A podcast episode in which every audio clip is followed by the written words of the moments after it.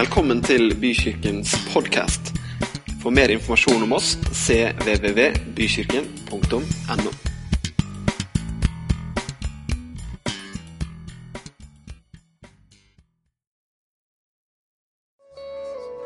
Vi takker deg, Jesus, for at du har eh, åpnet blikket vårt. Du har åpna øynene våre. Du har latt oss få se noe. Og vår bønn i dag er at eh, vi skal få se enda mer, Herre. Takker deg for det.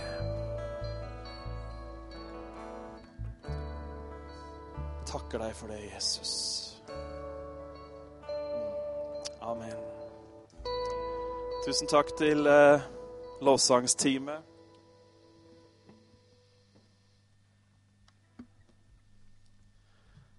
Det er uh, mye spennende som skjer om dagen. Faktisk bedre enn det vi aner. Til og med i, i, i Hvor skal man si på, på vårt sted i geografien. Forrige mandag så var uh, min uh, lille pjokk på tre år ute og gikk en tur sammen med noen andre fra barnehagen. Rundt i barnehagens nærmiljø. Og plutselig så sier han, så tydelig som han kan si det, Se deg! Deg er Bartimeus. Der sitter Bartimeus. Og det er jo herlig at eh, bibelhistoriene går inn. Men det er litt spooky hvis de begynner å dukke opp utenfor Rema 1000 på Teie. Der satt det da en dame, eh, en tigger. Og det hadde brent seg merke i hans eh, hukommelse, det her med at det satt noen ved veien og spurte om å få noe, og han kobla umiddelbart. De fortalte det, eller Disse damene fra barnehagen som hadde vært med, de hadde jo sitt store seg, store strev med å holde seg på beina, for de, de knakk jo fullstendig sammen i latter. Det gjorde de også når de skulle fortelle oss det på ettermiddagen. Og dette her tror jeg Philip, Philip oppfatta at det var liksom ikke helt riktig. da. Og så har de en storesøster som er opptatt av at ting skal være riktig, så har sikkert tatt en omgang med bibelhistorien en gang til med han også. Så når han, når han nå snakker om denne historien, så sier han men hun ligna veldig. Så han, han, gir ikke helt slipp på det, men eh, ja, det er spennende. Mye, det er mye moro med ungene. Jeg har noe på hjertet i dag. Ja, det har du hver søndag, tenkte du nå. Ja, det er egentlig sant. Det er ikke bare på søndagene heller. Det er de andre dagene i uka. Men det er jo søndagene vi møtes, da. Men jeg har noe på hjertet i dag som jeg vil eh, dele med dere. Og på en måte så er det ikke bare nok en preken. Selv om en preken ikke bare er en preken. Hver eneste gang Guds ord prekes, hver eneste gang du åpner Bibelen, hver eneste gang du henvender deg til Gud i bønn, så gir du Gud en anledning til å vise deg noe, til å si deg noe. Så Derfor er aldri en preken bare en preken, og en andaktsstund er aldri bare en andaktsstund. Likevel så er det sånn, eh, og dette her skjer jo fordi at Guds ord det er levende, dere. Det har noe i seg som gjør at det evner å skape forandring, ja, også forvandling, når det tas imot. Likevel så føles det noen ganger, og nå er jeg litt ærlig med dere, er ikke det greit? Fint med ærlige pastorer. Det kan sikkert føles noen ganger både for eh, dere og for meg som ja, ja, da var det, da var det én preken til. Da var det én søndag til. Og så kommer mandagen, og tirsdagen, onsdagen og torsdagen og hele uka. Og så, og så har alt gått forbi i en fart som minner mest av alt om Flytoget. Vi lever i et samfunn hvor eh, inntrykkene er mange. Budskapene kommer ikke bare på søndag formiddag eller i life-gruppa på onsdagene, men de kommer hele tida. Er det noen som skjønner hva jeg snakker om? Jeg tror det er en av de store utfordringene kanskje du og jeg har i forhold til livet vårt med Gud i dag, i 2016. Det er å rydde tid sånn at vi får høre hva han har på hjertet. Så vi kan ta imot alt det han har å gi oss. Og det er veldig mye, folkens.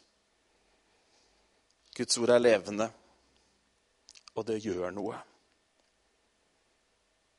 Det står faktisk i Bibelen at uh, ordet ble dem til ingen nytte. Fordi det ikke smeltet sammen med troen i hjertet.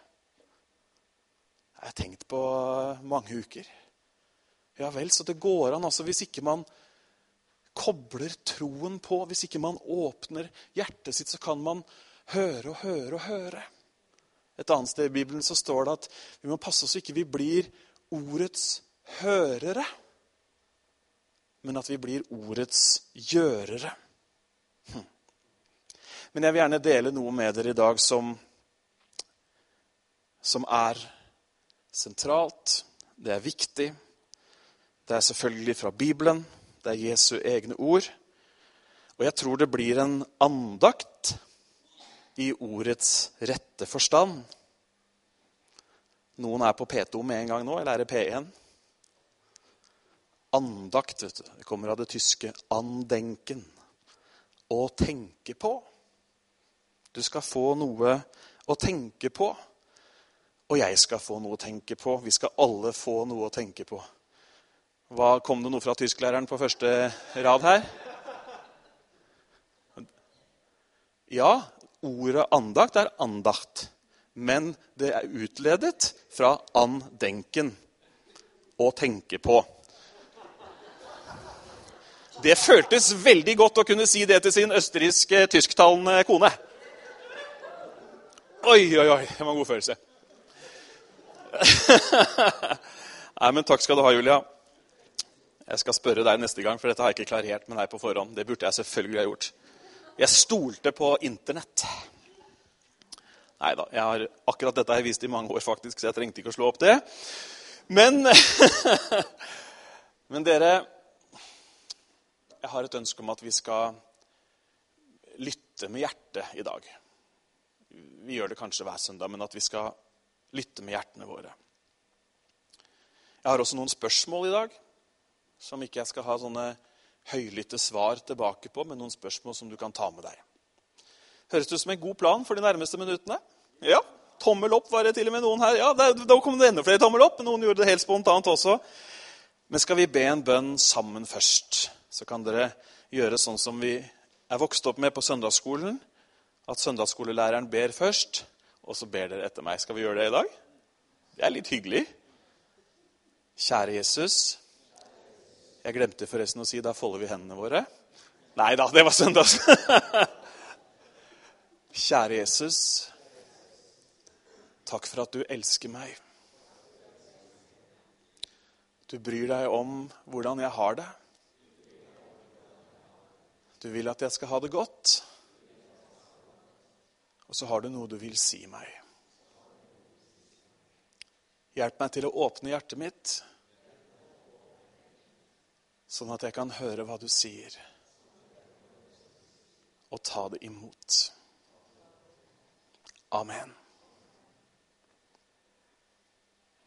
Vet at i går kveld, den 27. februar, så var det en i mitt nabolag som henvendte seg til Gud og sa om du finnes, Gud, så send noen i min vei. På fredag kveld så var det en av mammaene i barnehagen der hvor ungene mine går, som sa, 'Kjære Gud, nå orker jeg ikke mer. Kan du hjelpe meg?' Litt tidligere i uka, ganske så sikkert, så var det en av dine kollegaer som sukka til Gud og sa, 'Hvis du finnes, Gud' hvis det er noe med dette Jesus-opplegget som de snakker om, så vis meg hva det er. Det finnes mennesker rundt oss, overalt, som henvender seg til Gud. Om de har en tro, om den er liten eller om den er stor eller ikke, det spiller ikke så stor rolle. Men det finnes mennesker rundt deg og meg som er i en prosess, som er på veien, og som har spørsmål, og som har ønsker og lengsler. Kan vi Og vi, det er jo da et annet ord for du og jeg. Kan vi hjelpe dem på noen måte? Kan vi være til hjelp? Vi ønsker jo å være der for folk. Du har sikkert skjønt det for lenge siden at det å ha en kirke med fine søndager og hyggelige mennesker og kaffe etter gudstjenesten, det er ikke målet for vår tilværelse. Det er hyggelig, det er bra, og vi trenger det. Men det er ikke det som er oppdraget. Jesus kom for å søke og frelse det som var fortapt. Jesus ble kritisert fordi han var sammen med mennesker som ikke var perfekte verken på den ene eller den andre måten. Og kjære menighet, det er oppdraget vårt. Det er oppdraget vårt å gå ut fortelle mennesker om Jesus. Vise hvem han er. Mange mennesker har spørsmål. Mange mennesker har lengsler. Bibelen sier at evigheten er lagt ned i alle mennesker. Jeg nevnte noen eksempler i stad om noen som hadde henvendt seg til Gud. Historiene kunne vært mange. Det var tenkte eksempler. Det var for å vise deg og meg at rundt oss, kanskje til og med også her, så sitter det mennesker som henvender seg til Gud fordi de ønsker å finne ut om han finnes. En lengsel etter noe mer. Vi, du og jeg, vi som har opplevd livet med Gud, vi spiller en utrolig viktig rolle i de prosessene som menneskene rundt oss er midt oppi. Er du med? Vi spiller en veldig viktig rolle for de som ennå ikke har kommet til tro. Du har noe å dele. Du har noe med deg. La meg stille deg et spørsmål som du bare kan tenke svaret på. Finnes det noen mennesker i dine omgivelser som du skulle ønske at kunne komme til tro?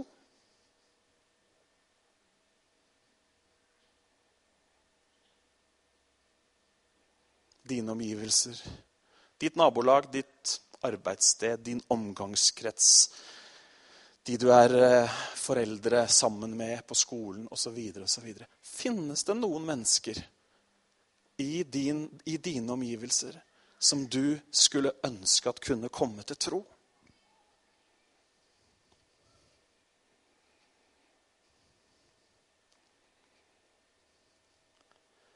Vi skal lese kveldens, eh, dagens Nå var jeg på kvelden, vet du.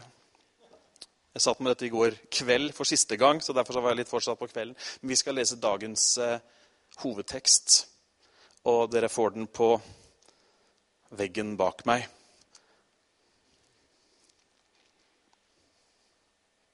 Der var den. Skal vi reise oss opp og så lese den sammen?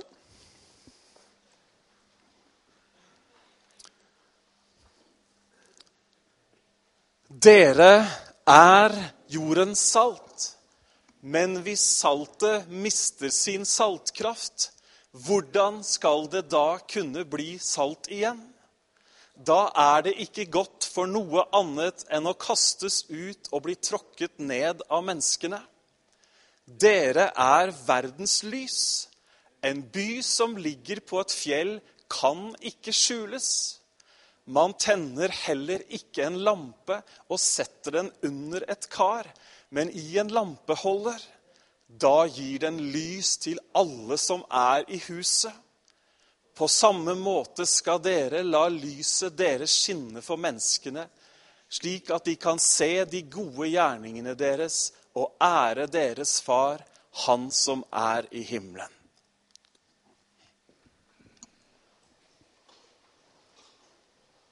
Dere er jordens salt. Dere er verdens lys, sier Jesus. Vi er midt inne i bergprekenen, hvor Jesus litt tidligere har sagt at salig er de som er fattige i ånden. Salig er de som hungrer og tørster.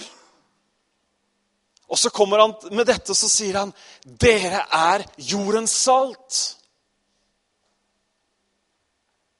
Hva brukte man saltet til på den tiden? Skal ikke ha noe lang utlegning om det. Men man brukte salt til å konservere. Man brukte salt for å hindre forråtnelse.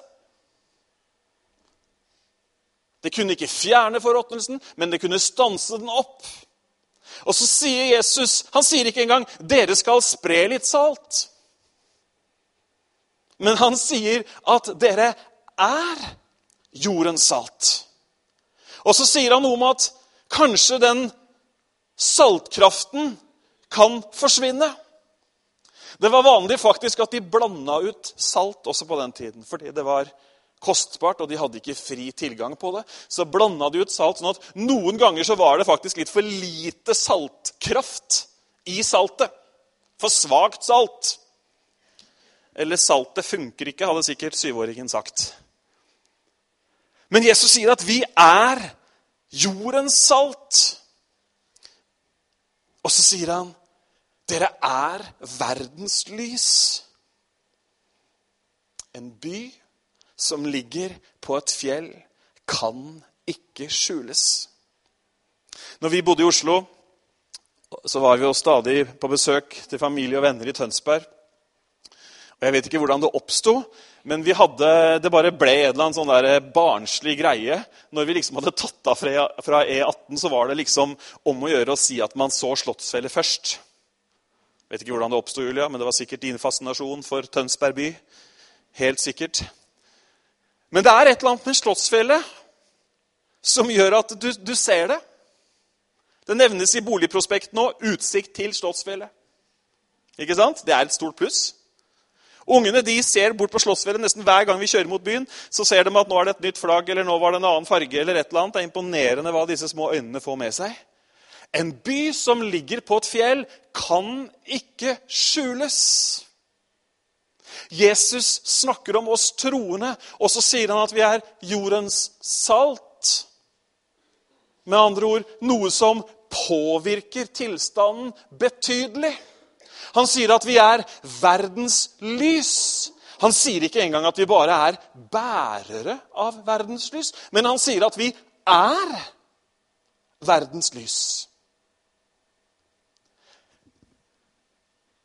Det betyr at vi lyser ikke bare på søndag formiddag. Det betyr at vi ikke bare lyser når vi er sammen med de andre troende. Men det betyr at vi lyser til enhver tid. Og For å understreke hva dette lyset gjør, så sier han det er som om en by som ligger på et fjell.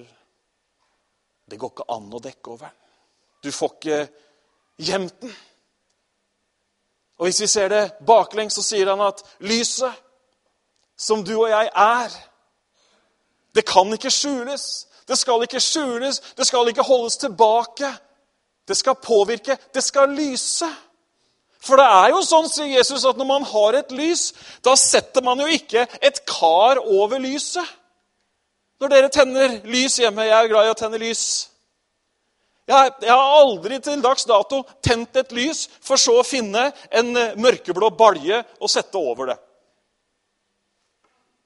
Driver du med det? Ikke, ikke si det høyt nå, i hvert fall. Da begynner vi andre å lure.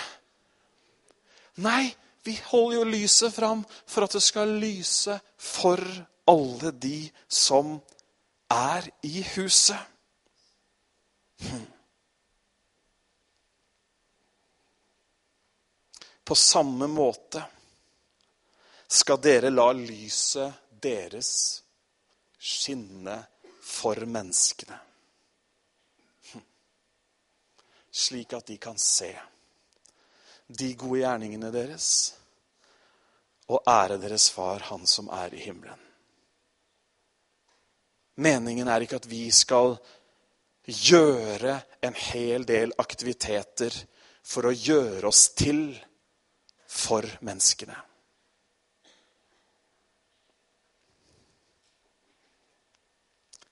Motivet må ikke være at vi skal vise oss fram. Noen ganger så har jeg vært litt forundret over at visse fremstøt som kirker gjør, har en egen PR-avdeling for å liksom få omtale. Og det virker noen ganger som om det er viktigere enn det man gjør.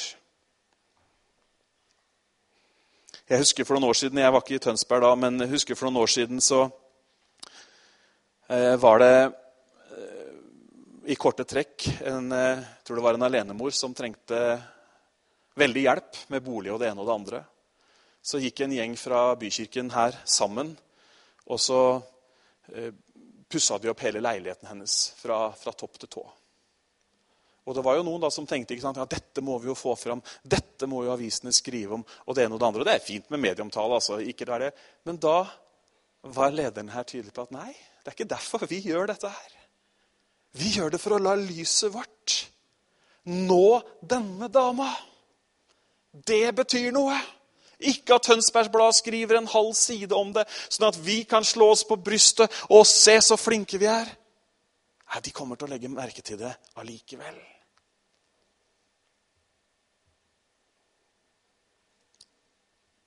Lyset er tent, dere. I deg og meg.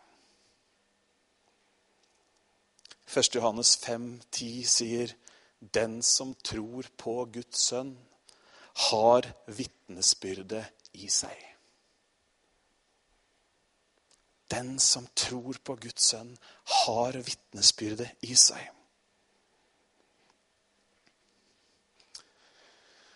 Jeg tror at uh, tiden er inne for at du og jeg skal være mer åpne med å dele vår tro. Du kan bare senke skuldrene og så kan du lene deg tilbake. Jeg skal, ikke, jeg skal ikke lansere en enorm evangeliseringskampanje. Jeg har ikke tenkt å eh, gjøre noe som helst. Jeg bare sier at jeg tror at tiden er inne for oss til å dele, til å åpne, være mer åpne og dele troen vår. Som troende så er det oppdraget vårt å dele det som vi har fått, med de som er rundt oss. Og det er viktig at vi åpner livene våre og formidler tro på en personlig måte for de menneskene som er rundt oss. Vi er sendt til denne verden. Ja, men dette er vanskelig. Dette lykkes jeg ikke med. Dette har jeg prøvd. Jeg har vært med på det ene, jeg har vært med på det andre. Og for all del, jeg føler meg ikke kompetent. Det er greit for deg å si som er pastor. Eller det er greit for han eller hun. De har jo en master i teologi.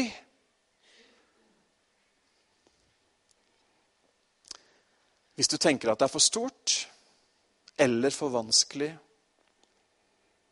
så tror jeg vi sammen skal se en gang til på hva det egentlig dreier seg om. Skal vi gjøre det? Det er nemlig ikke sånn at du skal vinne diskusjonene. Mange tenker på det. Mange tenker ja, men jeg har, ikke, jeg har ikke svarene. De spør om det ene, de spør om det andre. De, de, Og det er naturlig at folk kan spørre om det ene eller det andre. Men du skal ikke vinne diskusjonene. Du skal vinne hjertet. Du skal ikke forsvare teoriene, men du skal fortelle om dine opplevelser.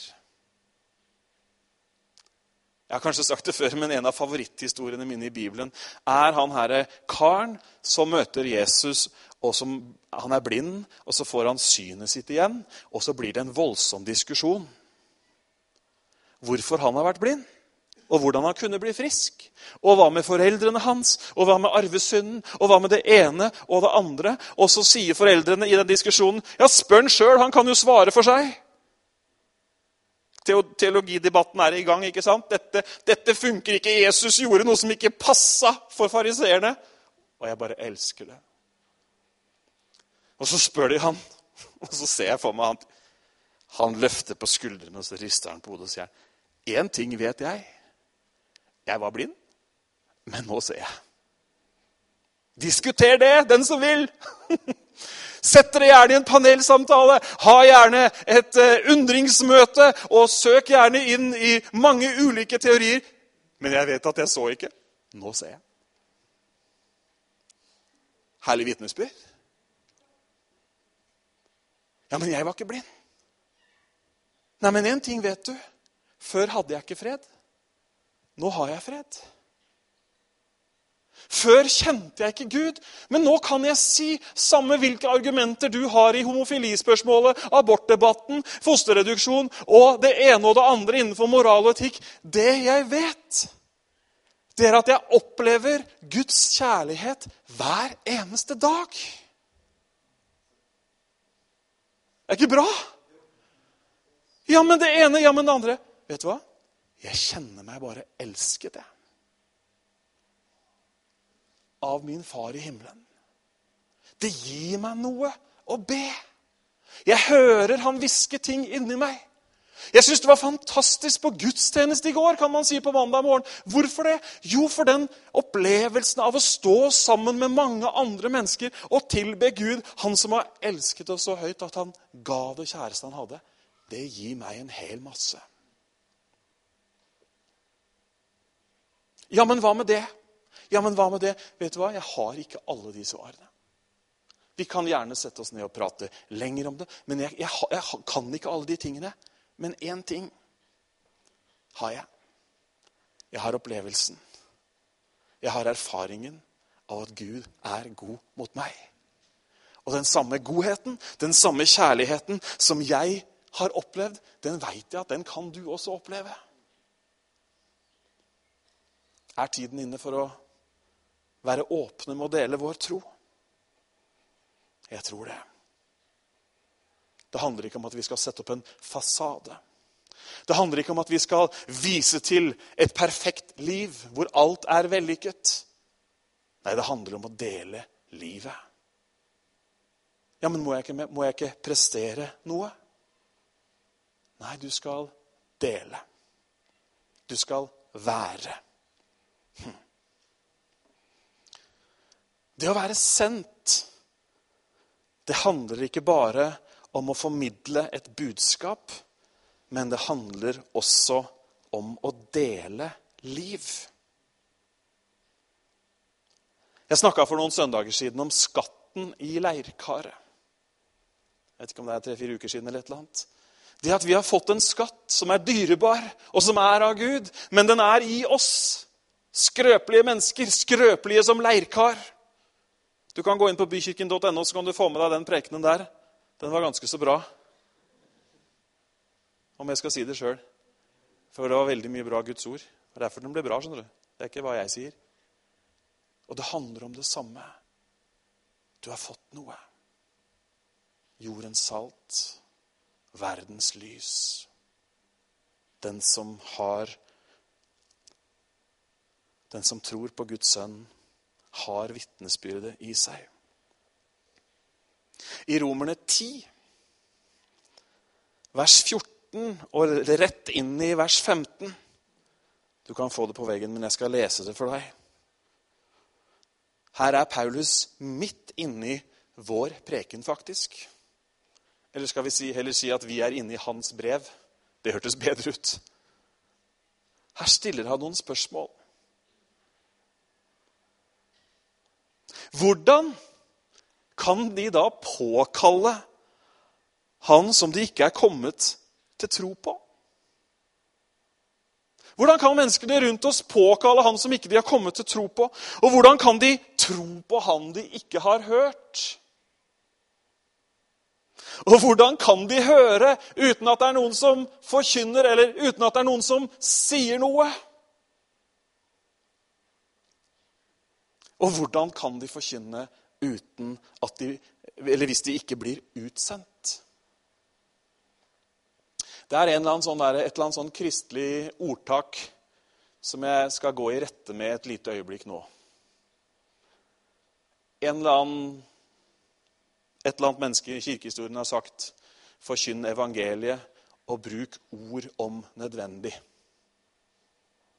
Og så har mange tatt det til seg og tenkt at det er nok å bare være. No, altså, jeg trenger ikke å si noe, jeg skal bare være evangeliet. Og jeg skjønner tanken, men det er feil. Budskapet om Jesus skal uttales. Det skal sies, det skal forkynnes. Ja, livene våre taler. Det er jo akkurat snakk om. Vi skal dele livet osv. Men vi kan ikke stoppe der og sitte stille uten å åpne munnen vår og si 'Hva tenker du?' Hva tror du på? Noen ganger så tenker vi at det å snakke med andre mennesker om troen handler om at vi skal kunne fire bibelvers på rams, vi skal ha fem punkter eller fem knagger å henge tingene på, og så skal samtalen avsluttes med 'Vil du ta imot Jesus nå?' Og så blir det litt unaturlig å si 'rekk opp hånda' når du sitter på andre siden av et kafébord. Ikke sant? Smil litt, da, dere. Det er så veldig alvorlig. Det er så veldig alvorlig. Er dere med på tanken? Og så blir det en sånn greie. Jeg klarer ikke, jeg husker ikke det. Hvordan var det hva gjorde det? Og nå glemte jeg punkt fire, og nå er sikkert alt ødelagt osv. Nei. Snakk med mennesker. Det rører seg noe på innsiden. Og du har saltet, du har lyset, du er byen som ligger på fjellet. Det du har, er ikke noe som er ment å være under et kar eller en bøtte, men det er ment å gi lys for alle de som er i huset. Derfor er vi til, folkens. Det er det det dreier seg om. Å lyse opp mørket. For et budskap vi har. Håp, tilgivelse, framtid, evighet. Er det på tide å være litt mer åpne med troen vår? Ofte så har vi vært ovenfra og ned. Jeg leste en liste her for noen dager siden over vanlige oppfatninger blant de som ikke tror. Om de som tror. Eller hvordan de oppfatter kristne. Jo, kristne tror at de er bedre mennesker. Det slo ganske godt ut. Å, kjære Gud, tenkte jeg. Så misforstått kan det være. Det var et annet punkt også. Mange mente at kristne var veldig kjedelige. De har ikke vært her, da. Eller de har ikke møtt meg, kan du si. Her kristne er moraliserende, var en annen oppfatning. Har vi fått i oppdrag å prøve å få folk til å oppføre seg kristelig? Er det det som er oppdraget vårt? Jeg bare spør. Skal vi tre Jesu ord nedover hodet på noen som ikke har hørt om han. Hallo! Snakker litt sånn rett ut her i dag. Det fikk jeg lov til av han der oppe. Det er jo ille, dere, at i landet vårt så ser vi så få nye mennesker komme til tro. I et land som kaller seg for kristent. Ja, du vet hvordan vi ble kristne. Det var med sverd. Jesus brukte aldri sverd. Vet du hva Jesus sa? Eller gjorde? Jeg vil være med deg hjem. Jeg vil spise sammen med deg. Jeg vil høre hva du sier. Jeg vil snakke sant om livet med deg. Vi skal snakke sant om livet med menneskene rundt oss. Vi skal ikke presentere en fasade. Noen ganger så tenker vi at hadde vi bare vært prektige nok, da hadde de sikkert hørt på oss. Nei.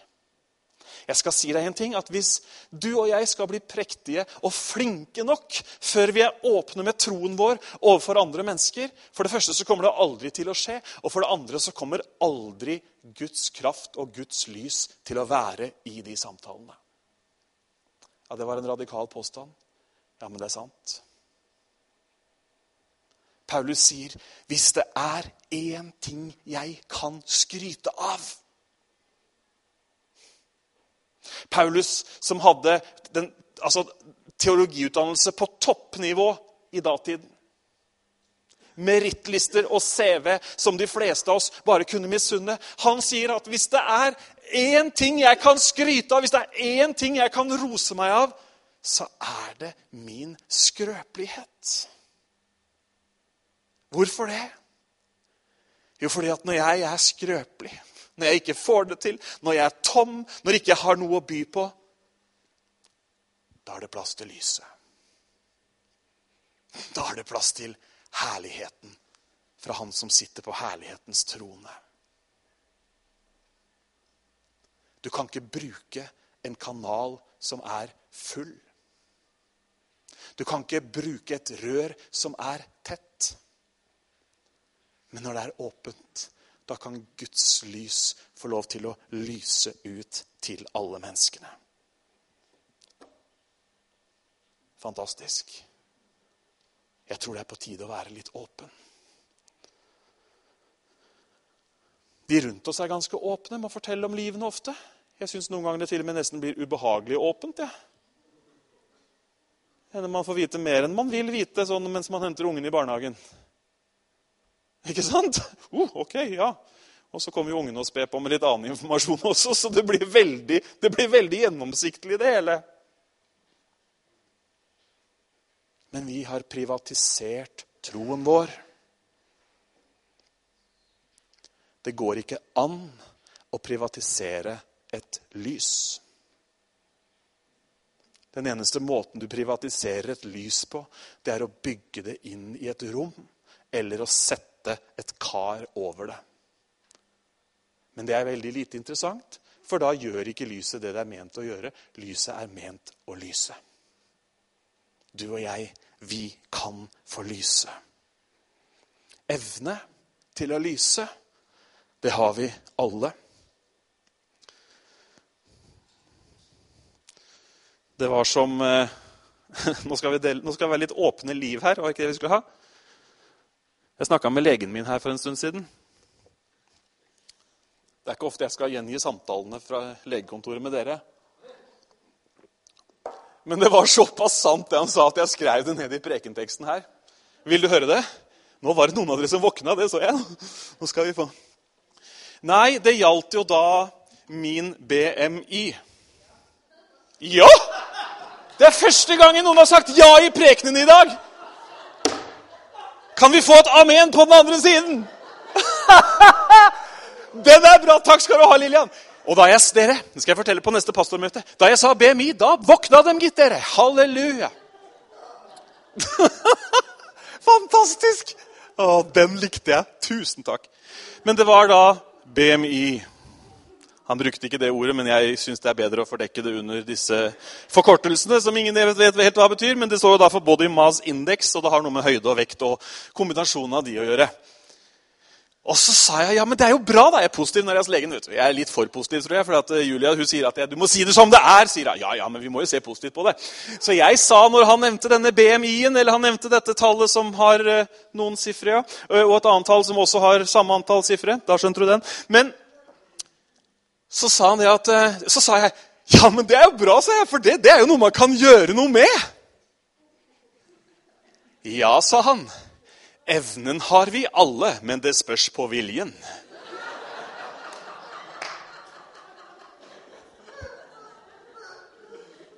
Tenke seg til lege, altså. Befriende. Det var, ja, det, For å være helt ærlig, det var faktisk litt sånn befriende. Alle kan jo gå ned i vekt, sa han med andre ord. Men det spørs jo da om du egentlig vil. Og så sa han en del andre ting, og det, jeg, det, var, det var, bra, det òg. Jeg holdt på å si til ham du skulle vært sånn motivator, for han var så, han var så direkte vet du, at, du, at det sitter i meg flere dager etterpå. Evnen har vi alle. Men det spørs på viljen.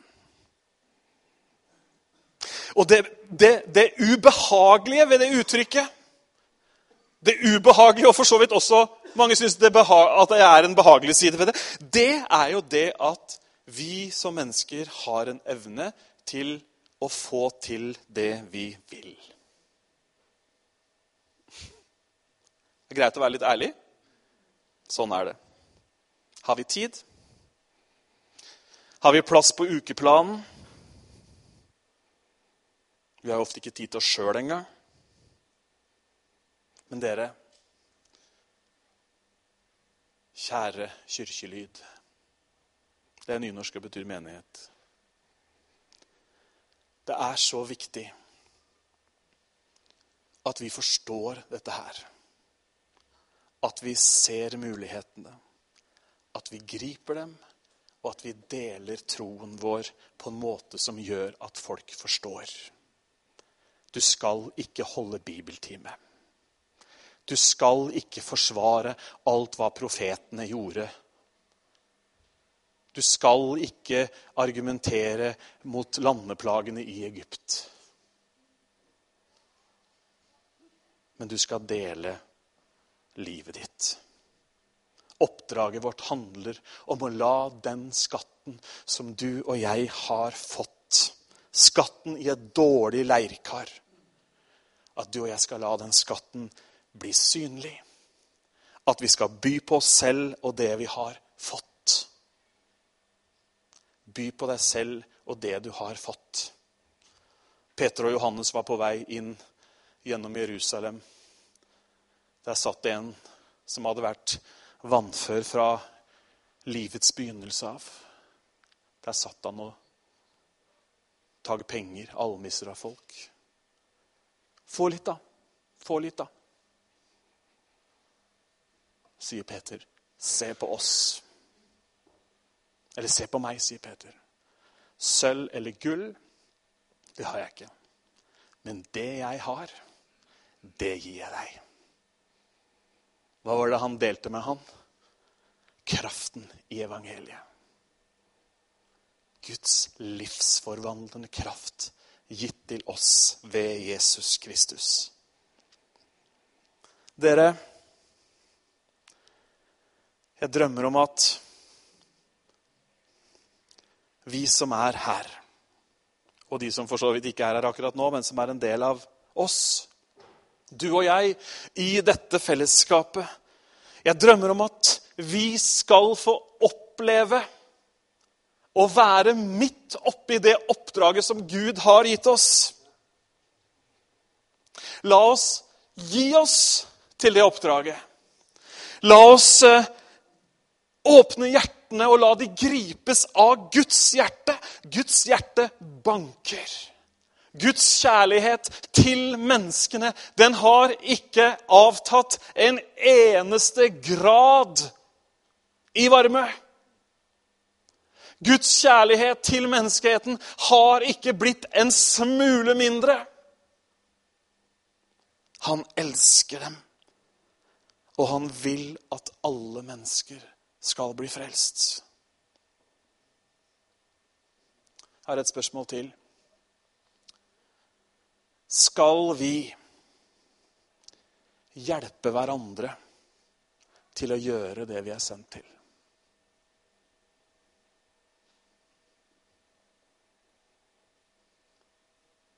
Skal vi som forsamling skal vi fokusere på å hjelpe hverandre til å faktisk få oppleve den største tilfredsheten som kan oppleves i livet, nemlig å være kobla på Gud og hans oppdrag.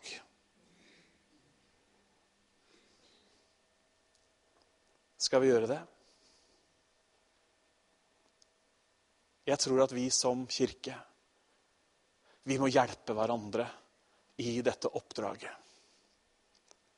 Ofte så har vi tenkt det tar pastoren seg av. Det tar evangelisten seg av.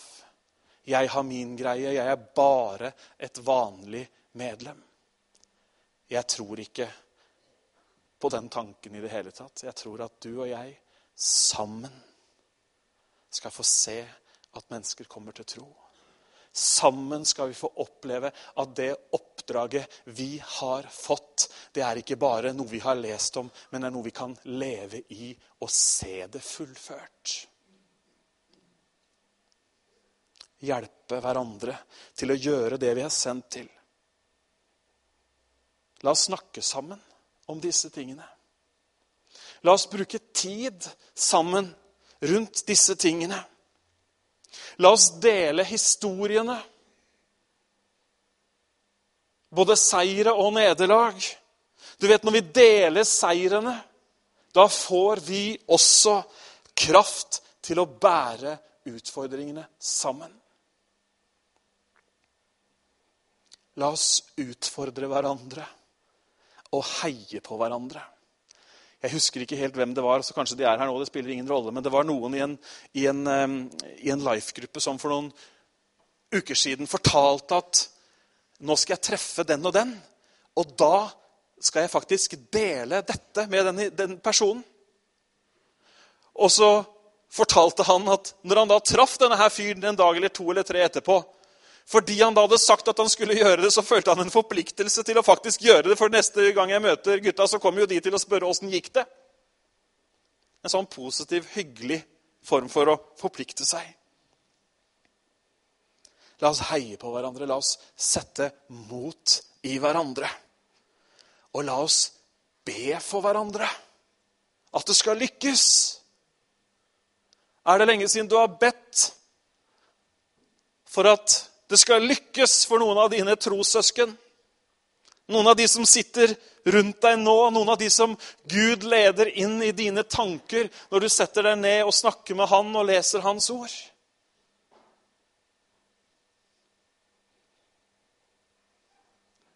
Jeg ber ofte om at det skal lykkes for folk.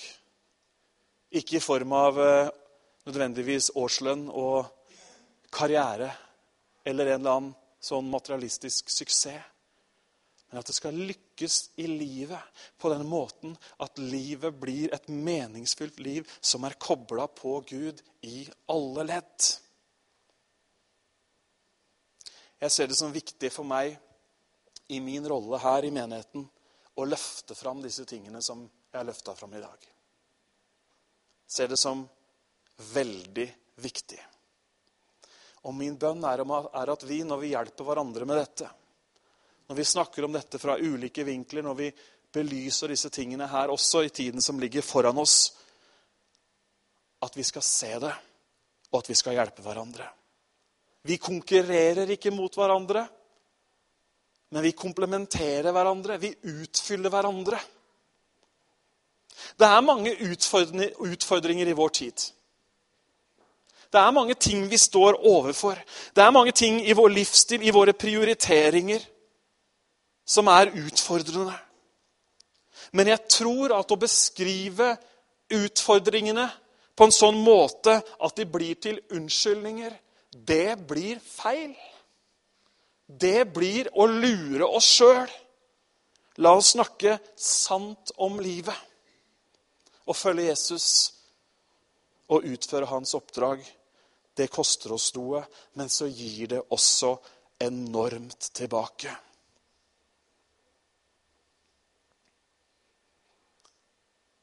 Jeg har en bønn om at alle vi som troende skal få oppdage hvem Jesus er, og hvem han har sendt oss til.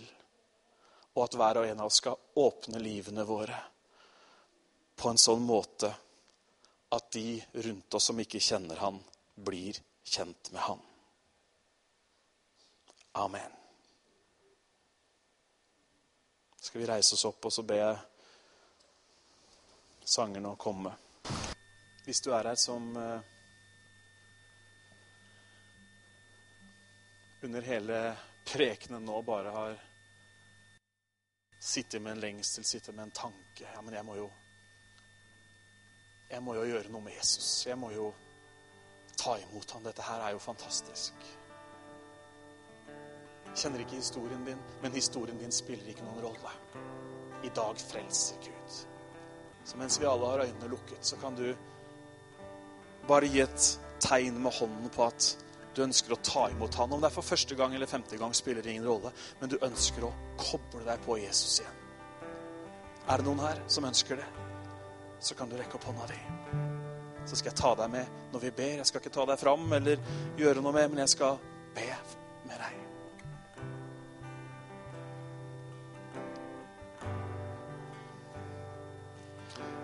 Før vi synger sammen, så har jeg lyst til å gi en invitasjon, en utfordring til oss alle. Du som ønsker at Gud skal berøre deg på en sånn måte at du får et nytt syn på oppdraget. At du får et nytt syn på menneskene rundt deg, på dine omgivelser. Hvis du ønsker at Gud skal røre ved deg sånn at det begynner å skje noe, så skal jeg ikke be deg om å komme fram, men jeg vil be deg om at du løfter hånda høyt der hvor du står. Og så skal vi be sammen. Du som ønsker at Gud skal berøre deg, så du får et nytt syn på oppdraget. Så du får et nytt syn på menneskene rundt deg, og på den omgivelsen du står i. Så holder vi bare hendene våre oppe. Å, himmelske Far, jeg takker deg. Jeg priser deg, Herre, for at du kaller mennesker i dag, Herre, til å arbeide. Til å være høstarbeidere. Og Nå ber jeg for hver eneste en som har løfta hånda si, og de som tenker at de skulle ha løfta hånda si også. Jeg ber, Herre, om at du rører ved oss, at du skaper noe i oss. Du har allerede åpna opp noe i hjertet vårt, sånn at vi begynner å se menneskene på en helt annen måte. Så vi ser oppdraget på en helt annen måte. For noen av oss så har oppdraget vært noe fjernt som hører misjonssekretæren til. Eller pastor- og lederteamet. Men Herre, la oss få et nytt syn på oppdraget. La oss få se at vi er sendt. La oss få se at vi har noe å dele. La oss få se at vi er jordens salt. Og at vi er verdens lys. Så takker jeg deg, Herre, for at ditt ord snakker om ferdiglagte gjerninger. Og jeg takker deg for at de ferdiglagte gjerningene, det er noe som skjer hver dag. Det er ikke noe som skjer om ti år.